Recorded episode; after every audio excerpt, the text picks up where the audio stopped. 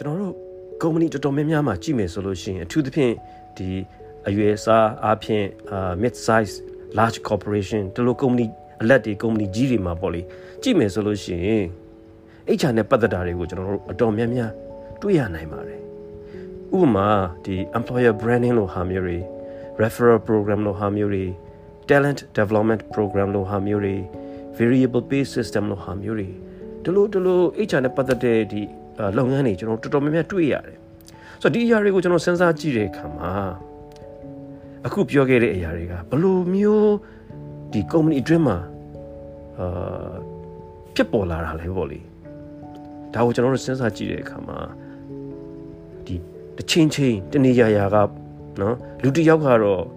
ဆုံးဖြတ်ချက်တွေနော် decision တွေသူတို့ချလိုက်ရမယ်လို့ကျွန်တော်ထင်ပါတယ်ဆိုလိုတာကဒါတွေလောက်ကြမယ်ဒါတွေမလောက်ကြဘူးဆိုတာမျိုးပေါ့လေ နော်ဟိုဟာလောက်ကြမယ်ဒီဟာလောက်ကြမယ်ဒီလိုမျိုးပေါ့ဆိုတော့ဒီလူတွေကနော်လောက်ကြမယ်လို့ဆုံးဖြတ်လိုက်တဲ့အရာတွေပေါ်မှာနော်သူတို့တွေအချိန်တွေပေးရမယ်နော်ဒီ concept လို့ခေါ်တဲ့သဘောတရားတွေကိုစဉ်းစားကြရမယ်ဘယ်လိုမျိုးအကောင့်ထဲပေါ်ရမလဲဆိုတာတွေကိုသူတို့ဆွေးနွေးကြရမယ်လို့ကျွန်တော်ထင်ပါတယ်ဆိုတော့ဒီနေရာမှာကျွန်တော်မကောင်းတဲ့အမြင်နဲ့ပြောတာတော့မဟုတ်ဘူးပေါ့လေဒါပေမဲ့ဒီ HR တွေကလောက်တဲ့အရာတော်တော်များများမှာ ဒီလက်တွေ့မှာသိပြီးတော့မအောင်မြင်တတ်ကြတာကိုကျွန်တော်တို့သတိထားမိတယ်အာဒီလိုဖြစ်ရတဲ့အကြောင်းရင်းကတော့ရှိပါတယ်ဆိုတော့ဘာကြောင့်လဲဆိုတော့ဒီလိုကိစ္စတွေကိုလောက်ကြတဲ့အခါမှာများသောအားဖြင့်ပေါ့လေကျွန်တော်တို့တွေကဒီ concept တွေကိုပဲစဉ်းစားကြတဲ့သဘောလေးတွေရှိတယ်ဆိုတော့ဒီ concept ကြီးပဲကျွန်တော်ကစဉ်းစားလို့မရဘူးเนาะဒီ solution လို့ခေါ်ရဲဘယ်လိုလုပ်ကြမလဲဆိုတဲ့အဖြေတွေကိုပဲကျွန်တော်တို့စဉ်းစားလို့မရဘူးဒီ solution တွေဘယ်လိုရခဲ့တာလဲ ဘယ်လိုအကောင့်တွေပေါ်တင်တယ်လဲအဲ့ဒီအချက်တွေကလည်းကျွန်တော်တို့အရေးကြီးတာဖြစ်တယ်ဆိုတော့ဒီကိစ္စတွေနဲ့ပတ်သက်ပြီးတော့ကျွန်တော်တို့ဖြစ်လိဖြစ်တာရှိတဲ့အာ comment အာဖြစ်လိဖြစ်တာရှိတဲ့ခုနပြောတဲ့ major pitfall ပေါ့လေအမှားယွင်းလေးတွေပေါ့နော်ခြေချော်လက်တက်တဲ့အချက်လေးတွေပေါ့အဲ့လားလေးတွေကိုကျွန်တော်တို့အာပြောပြချင်တယ်ဗျကျွန်တော်တို့ရေတော်များများလောက်ခေမိတဲ့အာ ဘယ်လိုခေါ်မလဲအမားယွင်းနေလို့လည်းပြောလို့ရတယ်ထောင်ချောက်လေးတွေလည်းပြောလို့ရတယ်ပေါ့လေဆိုတော့ဒါလေးတွေကိုနားလည်ပြီးသတိထားမယ်ဆိုလို့ရှိရင်ကျွန်တော်တို့အတွက်အများကြီးအကျိုးရှိလာစေမယ်ပေါ့လေဆိုတော့ဒီ HR strategy တွေကိုကျွန်တော်တို့ရေးဆွဲတဲ့အခါမှာဒီ HR strategy တွေကိုစဉ်းစားတဲ့အခါမှာဖြစ်တဲ့အမားယွင်းကျွန်တော်6ခုလောက်ကိုကျွန်တော်ပြောပြခြင်းတယ်ပထမဦးဆုံးအမားယွင်းကတော့ပါလဲဆိုတော့ inside out thinking လို့ခေါ်တယ်ဆိုတော့အဲ့ဒါလေးကိုကျွန်တော်စပြီးပြောပြခြင်းတယ် လုပ်ငန်းအဖွဲ့အစည်းတွေမှာနော် solution တွေဘာတွေလုပ်ကြမလဲဆိုတဲ့အရာတွေကိုနော်အကောင့်ထဲပေါ်ကြတဲ့အခါမှာဒီလိုအကောင့်ထဲပေါ်တဲ့အခါမှာပါဝင်ပတ်သက်တဲ့နေလူတွေပေါ့လေဆိုလိုတာကဒီအရာတွေကိုအကောင့်ထဲပေါ်လိုက်လို့ရှိရင် benefit ရလာမယ့်လူတွေနော်ပတ်သက်မဲ့လူတွေဒီလိုလူတွေကိုပါဝင်ထဲသွင်းဆွေးနွေးလုပ်ကန်ခဲ့ခြင်းမရှိဘဲနဲ့အကောင့်ထဲပေါ်တက်ကြတာများတယ်နောက်တစ်ခုကကြတော့ဒီအာ ဒီ change management follows ignorance ဆိုတဲ့စကားလုံးလို့ဒီဘာခေါ်လဲစိုးရိုးစကားလို့ပေါ့လေဒီ change management လို့ပြောလိုက်တဲ့အခါမှာဒီကိုဖြစ်စေခြင်းတဲ့အရာတွေကိုเนาะအပြောင်းလဲတစ်ခုကိုလှုပ်လိုက်တဲ့အခါမှာအဲ့ဒီအပြောင်းလဲတွေကိုစန့်ကျင်ကြမှာဆိုလို့เนาะလိုက်မနာကြမှာဆိုလို့သူတို့မစန့်ကျင်အောင်လိုက်နာကြအောင်အတင်းလုပ်ကြတဲ့သဘောလေးတွေကိုပြောချင်တာဖြစ်တယ်ဆိုတော့ဒီအရာတွေကဒီအရေးကြီးတဲ့လက်တွေ့လုပ်ရမယ့်လူတွေကိုကျွန်တော်များသောအားဖြင့် လစ်လျူရှုထားရရောက်သွားတတ်ကြတယ်ဆိုတော့ဒီလိုဖြစ်တာကဘာကြောင့်လဲဆိုတော့ကျွန်တော်ခုနပြောတဲ့ inside out thinking ပုံစံဖြစ်တယ်ဆိုလိုတာကအာကိုဘာလုပ်မလဲဆိုတာကိုကိုဘာကိုစဉ်းစားပြီးတော့မှလူတွေကိုချပြလိုက်တဲ့သဘောမျိုးပေါ့ဟေးဒါတွေလိုက်လုပ်ကြတော့ဆိုတဲ့ပုံစံမျိုးဆိုတော့ကောင်းတာကတော့ဒီ outside in thinking ဆိုတဲ့သဘောလေးကပိုကောင်းတယ် ဆိုလိုတာကတကယ်လောက်ကန်ဆောင်ရွက်ကြမဲ့လူတွေကိုเนาะဒီဒီကိစ္စနဲ့ပတ်သက်ပြီးတော့ထဲထဲဝင်ဝင်လောက်ကန်ရမဲ့လူတွေဒီကိစ္စနဲ့ပတ်သက်ပြီးတော့အာဒီပါတက်ရောက်မှုခံရမဲ့လူတွေပေါ့လေ impact ရှိမဲ့လူတွေဒီလူတွေကိုပါဝင်စေခြင်းအပြင်เนาะကျွန်တော်တို့စပြီးလုပ်တဲ့သဘောပေါ့နော်ဘလို့ HR လုပ်ငန်းတွေကိုလုပ်ကြမလဲဒါတွေကိုစပြီးတော့ကျွန်တော်တို့သူတို့တွေကိုပါဝင်ပြီးသူတို့တွေနဲ့ဆွေးနွေးပြီးတော့မှစဉ်းစားကြဖို့နော်အဲ့လာကိုကျွန်တော်တို့ဘာလို့ခေါ်လဲဆို outside in thinking အဲ့ဒီကောင်ကပို့ပြီးအဆင်ပြေတယ်ဗျနော်ဆိုတော့ကို့မှာ HR နဲ့ပတ်သက်တဲ့ idea လေးတွေရှိလာပြီဆိုလို့ရှိရင်ကိုယ့်ရဲ့ company အတွင်းကိုယ့်ရဲ့လုပ်ငန်းအတွင်းကနော်တက်ဆိုင်တဲ့လက်တွေ့မှာနီးစပ်တဲ့လူတွေကိုခေါ်လိုက်နော်ပြီးလို့ရှိရင်သူတို့ကိုယ့်ရဲ့ idea လေးကိုပြောပြကြည့်သူတို့မှာဒါနဲ့ပတ်သက်ပြီးတော့ဘယ်လိုအမြင်တွေရှိလဲနော် operation နဲ့ဆိုလို့ရှိရင်ဘယ်လိုမျိုး conflict တွေဖြစ်နိုင်တယ်ဒါလေးတွေမေးကြည့်သူတို့ကသဘောတူဖို့သူတို့ ကြိုက်ဖို့တော့အရင်ကြီးကျွန်တော်တို့မဖြစ်မနေလိုအပ်လာတာတော့မဟုတ်ဘူးဒါပေမဲ့သူတို့ရဲ့ response သူတို့ရဲ့တုံ့ပြန်မှုကတော့အရေးကြီးတယ်နော်ဆိုတော့ကျွန်တော်တို့ဒီ strategy တွေကိုသတ်မှတ်တဲ့အခါမှာကျွန်တော်တို့ပထမအဆုံးကျွန်တော်ပြောချင်တဲ့အမှားတော့ဗာလဲဆိုတော့ခုနပြောတဲ့ကိုကိုချပြလိုက်မယ်ကိုလုတ်မယ်လို့စဉ်းစားလိုက်တဲ့ strategy တွေကအာကိုဘာကိုပဲစဉ်းစားပြီးတော့လူတွေကိုလိုက်လုတ်လိုက်လို့ပြောလိုက်တဲ့ဒီ inside out thinking မျိုးလုတ်မိတတ်ကြတယ်အဲ့လားဆိုလို့ရှိရင် တကယ်လက်တွေ့မှာအခက်အခဲအများကြီးတွေ့နိုင်တယ်เนาะအဲ့လားကကျွန်တော်တို့အာဆောင်းရှောင်းတဲ့နဲ့နော်မလုတ်တဲ့နဲ့အာအမားယွင်လေးပေါ့လေတခုခုလုပ်မယ်ဆိုလို့ရှိရင်ကို့မှာ idea လေးရှိလာပြီဆိုလို့ရှိရင်အာဆက်ဆက်ပတ်သက်နေတဲ့လူတွေဒီဟာနဲ့ပတ်သက်ပြီးတော့တဲတဲဝင်ဝင် impact ရှိမဲ့လူတွေကိုကျွန်တော်တို့အာအကြံဉာဏ်ယူတဲ့နေသူတို့ ਨੇ ဆွေးနွေးတဲ့နေဆိုတဲ့သဘောလေးကိုကျွန်တော်ပြောပြချင်တာဖြစ်တယ်နောက်ထပ် အမှားပြင်တစ်ခုကတော့ပါလဲဆိုတော့ဒီ complicatedness လို့ခေါ်တာပေါ့နော်လောက်ကင်တဲ့အခါမှာဘယ်လိုခေါ်မလဲဒီ HR strategy ကိုရွေးဆွဲတဲ့အခါမှာရှုပ်ရှုပ်ရှက်ရှက်တွေနော်ရှုပ်ထွေးနေတာမျိုးလေးတွေနော်အလားမျိုးလေးတွေလုတ်ပြီးတက်ကြတယ်နော်အလားကလည်းတကယ်တော့မကောင်းဘူးဗျနော်ဒါဘယ်လိုခေါ်မလဲကျွန်တော်တို့ HR strategy တွေကိုရေးတဲ့အခါမှာညာတော့အဖြစ်အရင် complicated ဖြစ်အောင်ပေါ့လေလုတ်တက်မိတဲ့သဘောလေးတွေရှိတယ် ပြန်စဉ်းစားကြည့်မယ်ဆိုလို့ရှိရင်ကျွန်တော်တို့ HR တွေနဲ့ပုံမှန်ဆက်ဆက်ပတ်သက်နေတဲ့သူတွေတော်တော်များများကနော် operation managers တွေကျွန်တော်တို့ရဲ့ဝန်ထမ်းတွေသူတို့တွေပဲဖြစ်တယ်ဆိုတော့သူတို့တွေကပြောရမယ်ဆိုလို့ရှိရင်သူတို့ရဲ့ဒီ daily နော် operational task တွေပေါ့လေနေ့စဉ်လုပ်ငန်းဆောင်တာတွေနဲ့အလုပ်များနေကြတဲ့လူတွေဖြစ်တယ်သူတို့တွေကနေ့စဉ်နဲ့အမျှနော်တကယ် practical issue တွေလက်တွေ့ပြဿနာတွေနဲ့ရင်ဆိုင်နေရတာဖြစ်တယ် ဆိုတော့သူတို့တွေမနဲ့နိုးလာလို့ရုံရောက်လာတဲ့အခါမှာသူတို့ပထမဆုံးစဉ်းစားမယ့်အရာကဘာတွေဖြစ်မယ်လို့ထင်လဲအာငါရဲ့ performance appraisal system ကတော့ဘယ်လိုနေမလဲလို့တွေးနေတွေးကြမယ်လို့များခင်ဗျားတို့ထင်နေလားသူတို့တွေးမှာမဟုတ်ဘူးနော်သူတို့ရဲ့နေ့စဉ်ကြုံတွေ့နေရသူတို့ရဲ့ပြဿနာကိုပဲသူတို့ခေါင်းထဲမှာရှိမှဖြစ်တယ်နောက်တစ်ချက်ကကျတော့ကျွန်တော်တို့ဝန်ထမ်းတော်တော်များများကဒီစိတ်ပညာရှင်တွေမဟုတ်ဆိုတော့ဝန်ထမ်းတွေဘလို့ခံစားနေရမလဲဆိုတော့သူတို့တွေးနေမှာမဟုတ် သူတို့တွေကတကယ်နော်ပြဿနာတွေနဲ့ပဲနေ့နေ့စဉ်အမြနဲ့အမြပေါ့လေလုံးပန်းနေရတာဖြစ်တယ်ဒီတော့ဒီ HR နဲ့ပတ်သက်တဲ့ကိစ္စတွေနော်လွယ်ကူခြင်းရိုးရှင်းခြင်းမရှိဘူးဆိုလို့ရှိရင်သူတို့တွေကိုလိုက်လုတ်ခိုင်းဖို့နော်သူတို့တွေကိုလုတ်ခိုင်းတဲ့အခါမှာအလုပ်ဖြစ်မှာမဟုတ်ဆိုတော့ HR နဲ့ပတ်သက်တဲ့အရာတွေကပြောရမယ်ဆိုလို့ရှိရင် simple နော်ရိုးရှင်းနေဖို့လိုတယ်ဆိုတော့ဒီအချက်ကက finance function လို့ဟာမျိုးနဲ့မတူဘူး finance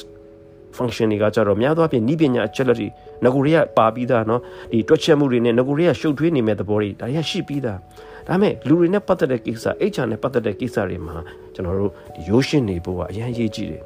ဥပမာပြောပြမယ်ဆိုလို့ရှိရင်ဗျာကုမ္ပဏီတွေမှာရှိတတ်တဲ့ HR လုပ်ငန်းတွေကိုကျွန်တော်စဉ်းစားကြည့်မယ်ဆိုလို့ရှိရင်ဒီ competency model လို့ခေါ်တဲ့အရာတွေပေါ့လေဒီ competency model လို့ခေါ်တဲ့အရာတွေ နော်အဲ့လားလေးကိုကျွန်တော်စဉ်းစားကြည့်အောင်ဆိုတော့ဒီအရာတွေကခုနဟိုကျွန်တော်တို့ company မှာဆိုလို့ရှိရင် job architecture လို့ခေါ်တဲ့အရာတွေနဲ့ချိတ်ဆက်ပြီးကျွန်တော်တို့လုပ်တတ်ကြတယ်နော်အဲ့ဒီအရာတွေကဒီ HR planning တွေအတွက်ကျွန်တော်အသုံးပြုရတယ်ဒီ competency model တွေကနော်လူတွေရဲ့ဒီ behavior anchoring နဲ့ကျွန်တော်ချိတ်ဆက်နေအဲ့ဒါတွေကဟို job description နဲ့ကျွန်တော်သွားပြီးချိန်အဲ့ဒီမှာဒီ job profile ဆိုတာလဲနော်ပါလာတယ်ဆိုတော့ဒါတွေက ဒီ job evaluation ကိုလုပ်ဖို့အတွက်အခြေခံတွေဖြစ်လာတယ်ဆိုတော့အဲ့ဒါတွေကနော်ဒီဝန်ထမ်းတွေကိုလောက်ခလာစာပေးခြင်း remuneration လို့ခေါ်တဲ့အရာတွေနဲ့လည်းသွားပြီးဆက်ဆိုင်နေတယ်နော် job description တွေရှိလာတဲ့အခါမှာဒီ job planning တွေနော် job posting တွေ HR marketing တွေဒါတွေနဲ့ကျွန်တော်ဆိုင်လာတယ်အဲ့ဒီကနေမှတစင်တက်မယ်ဆိုလို့ရှိရင်ခုနပြောတဲ့ဒီ select selection ကိစ္စတွေ interview ကိစ္စတွေ testing ကိစ္စတွေ assessment လုပ်တဲ့ကိစ္စတွေပါဝင်လာတယ်အဲ့ဒါတွေလုပ်ရတယ်ပြီးလို့ရှိရင်ကျွန်တော်တို့ဒီ objective setting เนาะ performance appraiser ဒါတွေပါပါလာတယ်ပြီးတဲ့အပြင်ဒီ talent review တွေကိုเนาะ360เนาะ360 degree feedback တွေနဲ့ evaluation တွေချိတ်ဆက်ပြီးတော့ဒီ succession plan တွေ development plan တွေအဲ့ဒါတွေကနေစပြီးတော့ဒီ career path အထိပေါ်လေအဲ့ဒါတွေပါလာတယ်ဒါတွေအားလုံးခုနပြောတဲ့ဒီ career planning တစ်ခုအနေနဲ့ဖြစ်လာနိုင်တယ် ပြောရမယ်ဆိုလို့ရှိရင်ဒီ ER တွေက local ဝန်ထမ်းတွေမကဘူးဒီ expatriation တွေနဲ့ကိစ္စတွေနဲ့ပါဆိုင်လာနိုင်တယ် trainee နဲ့ပတ်သက်တဲ့ကိစ္စတွေနဲ့လည်းဆိုင်လာနိုင်တယ်ဒီ competency assessment တွေ personal development planning တွေဒါတွေပါလာနိုင်တယ်ဒါတွေအားလုံးကိုကျွန်တော်တို့ human resource information system HRIS နော်အဲ့ထဲမှာတွားပြီးကျွန်တော်တို့ထည့်ပြီးတော့ဒီအချက်လက်တွေကိုသိမ်းထားကြတယ်ဆိုတော့အခုကျွန်တော်ပြောခဲ့တဲ့အရာတွေနော်အဲ့လိုနဲ့ပတ်သက်ပြီးစဉ်းစားရမယ့်အရာတွေအများကြီးရှိလာမယ် ဆိုတော့ဒါတွေကိုဒီဝန်ထမ်းတစ်ယောက်တာမန်ဝန်ထမ်းတစ်ယောက်လူတစ်ယောက်အနေနဲ့ဘယ်လိုလုပ်နားလည်နိုင်မှာလဲနော်ဆိုတော့လွန်ခဲ့တဲ့ဒီနှစ်ပိုင်းနော်ကာနစ်ကာလာတွေမှာကြည့်မယ်ဆိုလို့ရှိရင်လည်း HR ရဲ့ဒီသဘောတရား concept တွေအများကြီးထွက်လာတယ်ပြောရမယ်ဆိုလို့ရှိရင် HR နဲ့ပတ်သက်ပြီးတော့အရန်ကိုပြည့်ပြည့်စုံလာတယ်လို့ပြောလို့ရမယ်ဒါပေမဲ့လည်းဒီဘာခေါ်လဲအရန်ရှုပ်ထွေးလာတဲ့အခါမှာလက်တွေမှာအောင်မြင်ဖို့အတွက်အဲ့ဒီအရာတွေကအတားအဆီးဖြစ်လာနိုင်တယ် ဒါကြောင့်မလို့ကျွန်တော်တို့ဒီ HR strategy တွေကိုကျွန်တော်တို့ရေးဆွဲတော့မယ်ဆိုလို့ရှိရင်နော်လက်တွေ့မှာပါဝင်လောက်ကင်ကြမယ်လူတွေနားလည်နိုင်လောက်အောင်လွယ်ကူရိုးရှင်းနေဖို့အရန်ကိုအရေးကြီးတယ်ဆိုတာကိုကျွန်တော်တို့နားလည်ဖို့လိုတယ်အရန်ကိုရှုပ်ထွေးနေတယ်အရန်ကိုရှုပ်ထွေးအောင်လုပ်တတ်တယ်ဆိုတဲ့အရာကကျွန်တော်ပြောချင်တဲ့ဒုတိယအာ HR strategy ကိုရေးတဲ့အခါမှာဒုတိယမှားတတ်တဲ့အမှားလေးတစ်ခုပေါ့လေတတိယ ကျွန်တော်တို့မှားတတ်တဲ့အမှားကပါလဲဆိုတော့ lacking focus လို့ခေါ်တယ် lacking focus ဆိုတာ focus မရှိတာပေါ့လေနော်ဘယ်အရာပေါ်မှာအာရုံစိုက်ပြီးတော့ဦးစားပေးပြီးလုပ်ကြိုင်မယ်ဆိုတော့ဒီ focus အဲ့လားမရှိတာဒီ HR executive တယောက်အနေနဲ့နော်လူတွေနဲ့ပတ်သက်လာတဲ့အခါမှာဘယ်အရာကအရေးကြီးတာမျိုးတွေဖြစ်နေမလဲနော်အဲ့လားမျိုးကျွန်တော်တို့မေးကြည့်တဲ့အခါမှာစဉ်းစားခိုင်းတဲ့အခါမှာဖြစ်နိုင်ခြေကတော့နော်ကျွန်တော်တို့တွေ အာစီကို long list ပေါ့လေနော်စင်းအရှိကျွန်တော်တို့ရလာနိုင်တယ်ဟိုဟာလည်းအရေးကြီးတယ်လို့လို့နော်ဒီဟာလည်းအရေးကြီးတယ်လို့လို့အဲ့လိုမျိုးဖြစ်နေတတ်တယ်နော် selecting ကအရေးကြီးတယ်နော်ဝန်ထမ်းတွေကိုမှန်မှန်ကန်ကန်ရွေးချယ်တွက်ဖို့အော် learning ကလည်းအရေးကြီးပြန်တယ်ဟာ development ကလည်းအရေးကြီးပြန်တယ်ဟာ retention နော်ဝန်ထမ်းတွေကိုထိန်းထားနိုင်ဖို့ကလည်းအရေးကြီးတယ်ဒါနဲ့ပဲဒီစင်းရင်းကြီးကကျွန်တော်တို့အဆုံးမတတ်နိုင်တော့အဲ့လိုမျိုးဖြစ်လာနိုင်တယ် ဒါပေမဲ့ကျွန်တော်သိထားဖို့ကအရာရာအားလုံးကအရေးကြီးတယ်လို့သတ်မှတ်လိုက်တဲ့အခါမှာဘာဖြစ်သွားလဲဆိုတော့ဘယ်အရာမှအရေးမကြီးသလိုဖြစ်သွားတတ်တယ်ဆိုတော့မေးရမှာကဘယ်အရာကအရေးကြီးတယ်လဲဆိုတဲ့မိကုံမဟုတ်တော့ဘယ်အရာကကိုယ်စီးပွားရေးလုပ်ငန်းအောင်မြင်မှုရရှိဖို့အတွက်မရှိမဖြစ်လိုအပ်တာလေအဲ့ဒီမိကုံကျွန်တော်မေးရမှာဆိုလိုတာကတော့အရေးပါတဲ့အရာမှာတကယ်ကို focus เนาะ လုပ်နိုင်ဖို့ရည်ကြည်တယ်ဆိုတော့ကိုယ့်ရဲ့ human resource strategy HR နဲ့ဆိုင်တဲ့မဟာဗျူဟာတွေကိုစဉ်းစားတဲ့အခါမှာ focus နော် focus ကို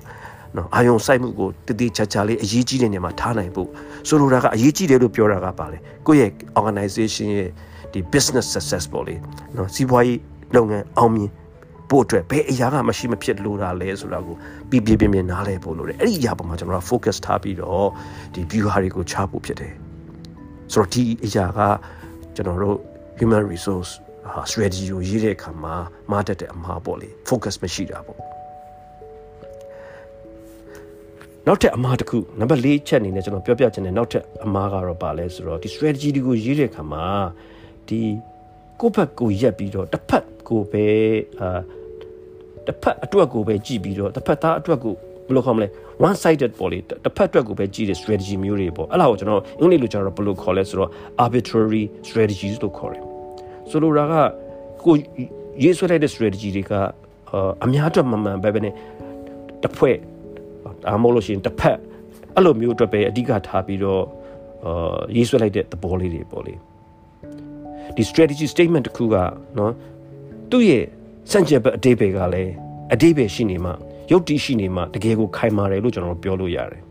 ဆိုတော့ဒါနဲ့ပတ်သက်ပြီးတော့ဒီ HR executive တွေကိုကျွန်တော်အာမေးချင်မိတယ်ပေါ့လေ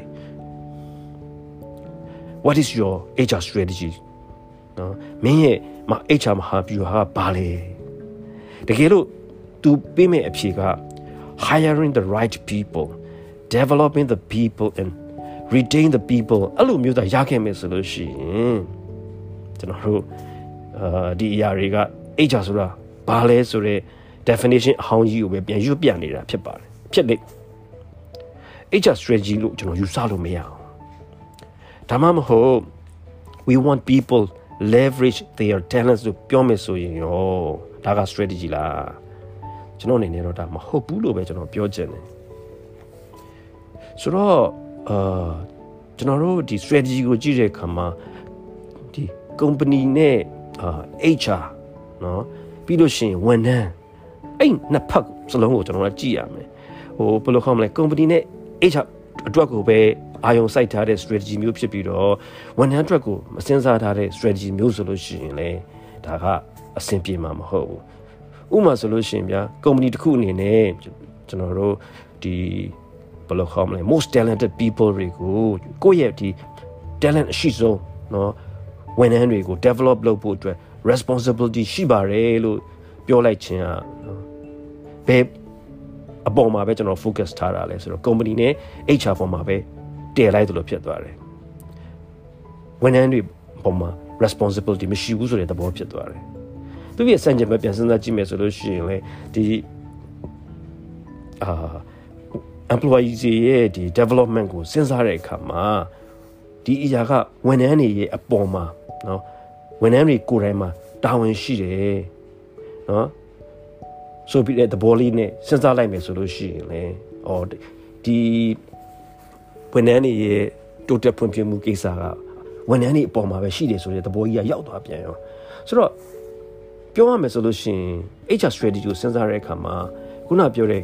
အာတစ်ဖက်သက်ဆန်လို့မရဘူးကိုရေးဆွဲလိုက်တဲ့ strategic statement တခုမဟာဗျူဟာဒီအဓိပ္ပာယ်သတ်မှတ်ချက်တခုကနော်ကိုအတွက်လည်းအဓိပ္ပာယ်ရှိသလိုနော်သူ့ရဲ့အခြားဘက်မှာရှိတဲ့လူတွေအတွက်လည်းအဓိပ္ပာယ်ရှိနေတာမျိုးဖြစ်ဖို့လိုတယ်နော်ခုနပြောတဲ့ဒီ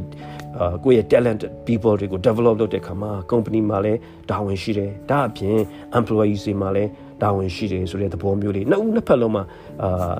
နှစ်ဦးနှစ်ဦးနှစ်ဖက်လုံးအတွက်ဘယ်လိုခေါ်မလဲ ရုပ်တိရှိနေတယ်ဆိုတဲ့ဟာမျိုးလေးတွေနော်အဲ့လိုမျိုးလေးတွေဖြစ်ဖို့လိုတယ်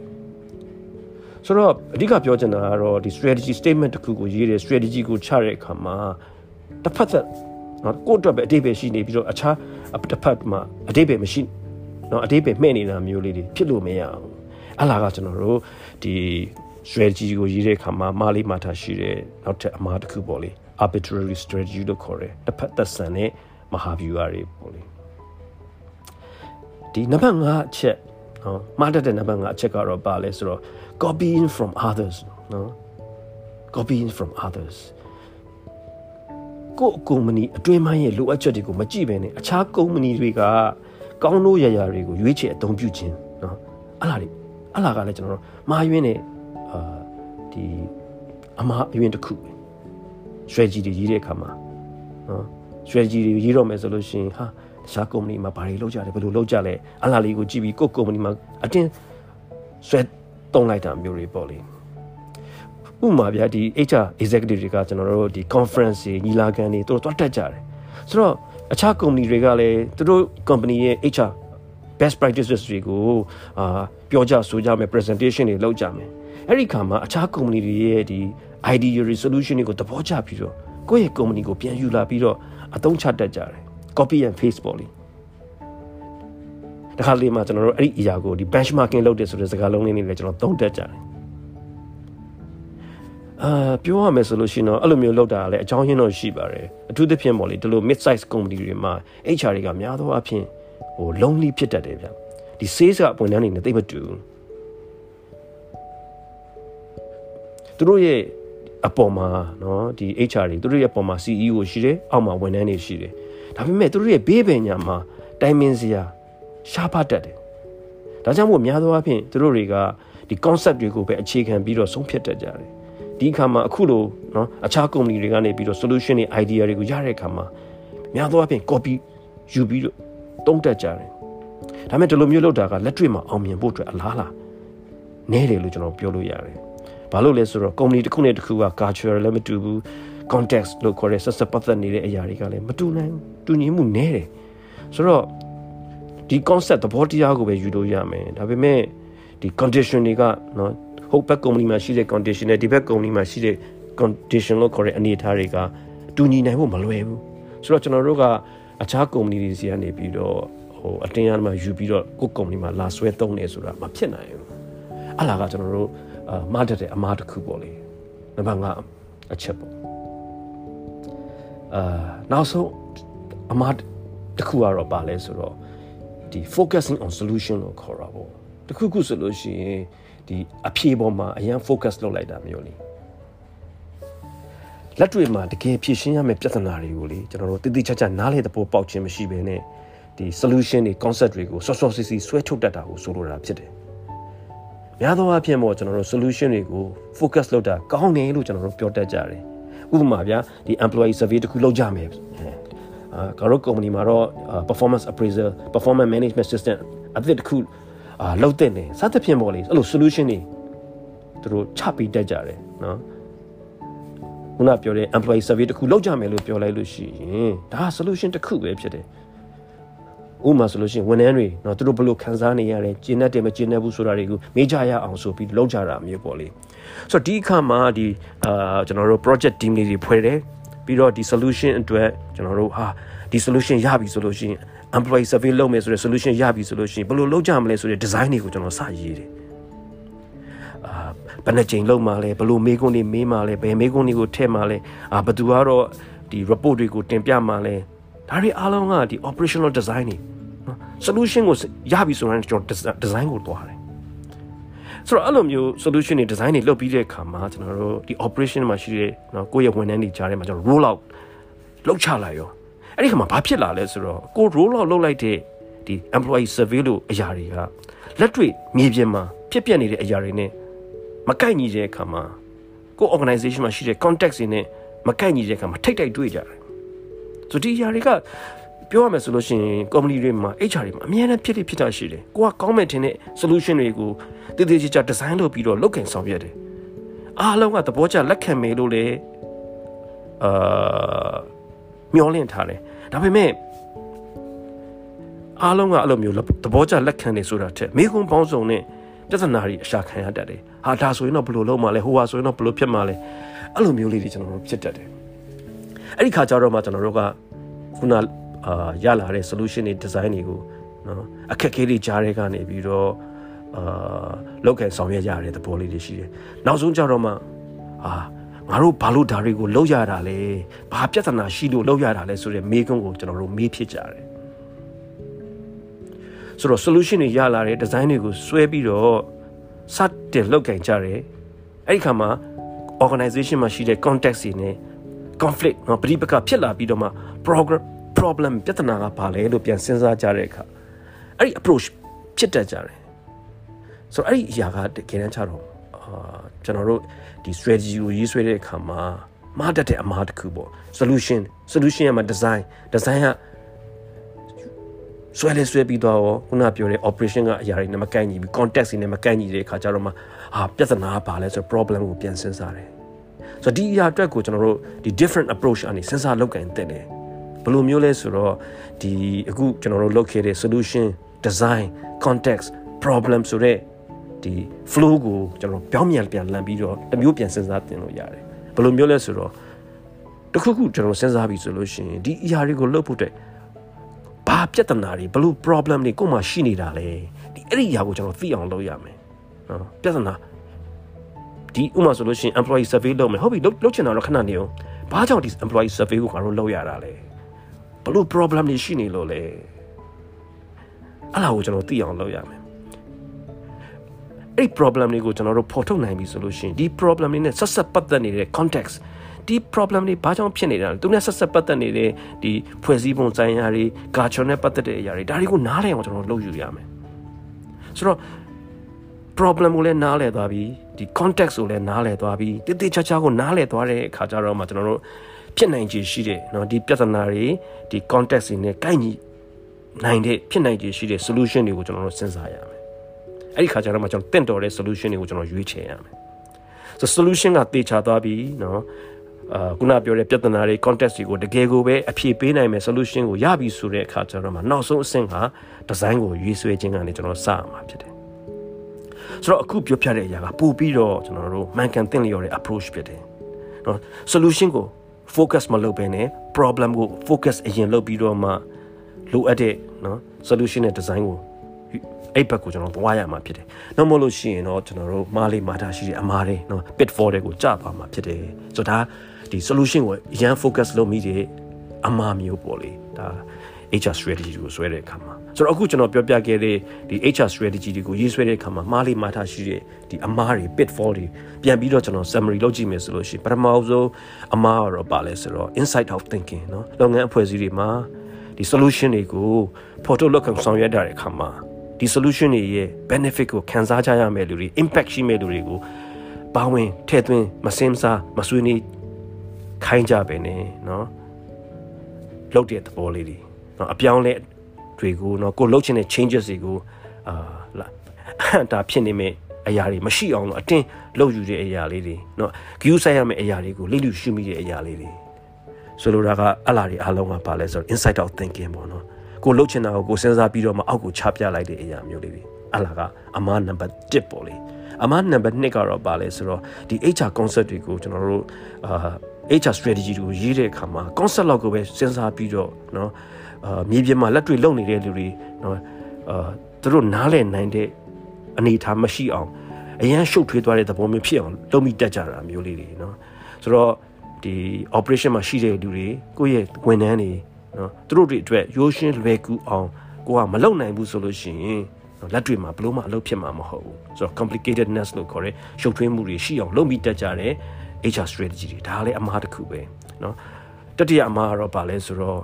lacking focus လို့ခေါ်တာပေါ့ဦးစားပေးရွေးချယ်စရာတွေအများများနေတယ်ဟိုဟာလည်းလုပ်ချင်တယ်ဒီဟာလည်းလုပ်ချင်တယ်ဘယ်အရာကို focus လုပ်ရမယ်လို့အာတတိချာချာမတတ်မှတ်နိုင်တဲ့အခါမှာကိုရေးလိုက်တဲ့ strategy က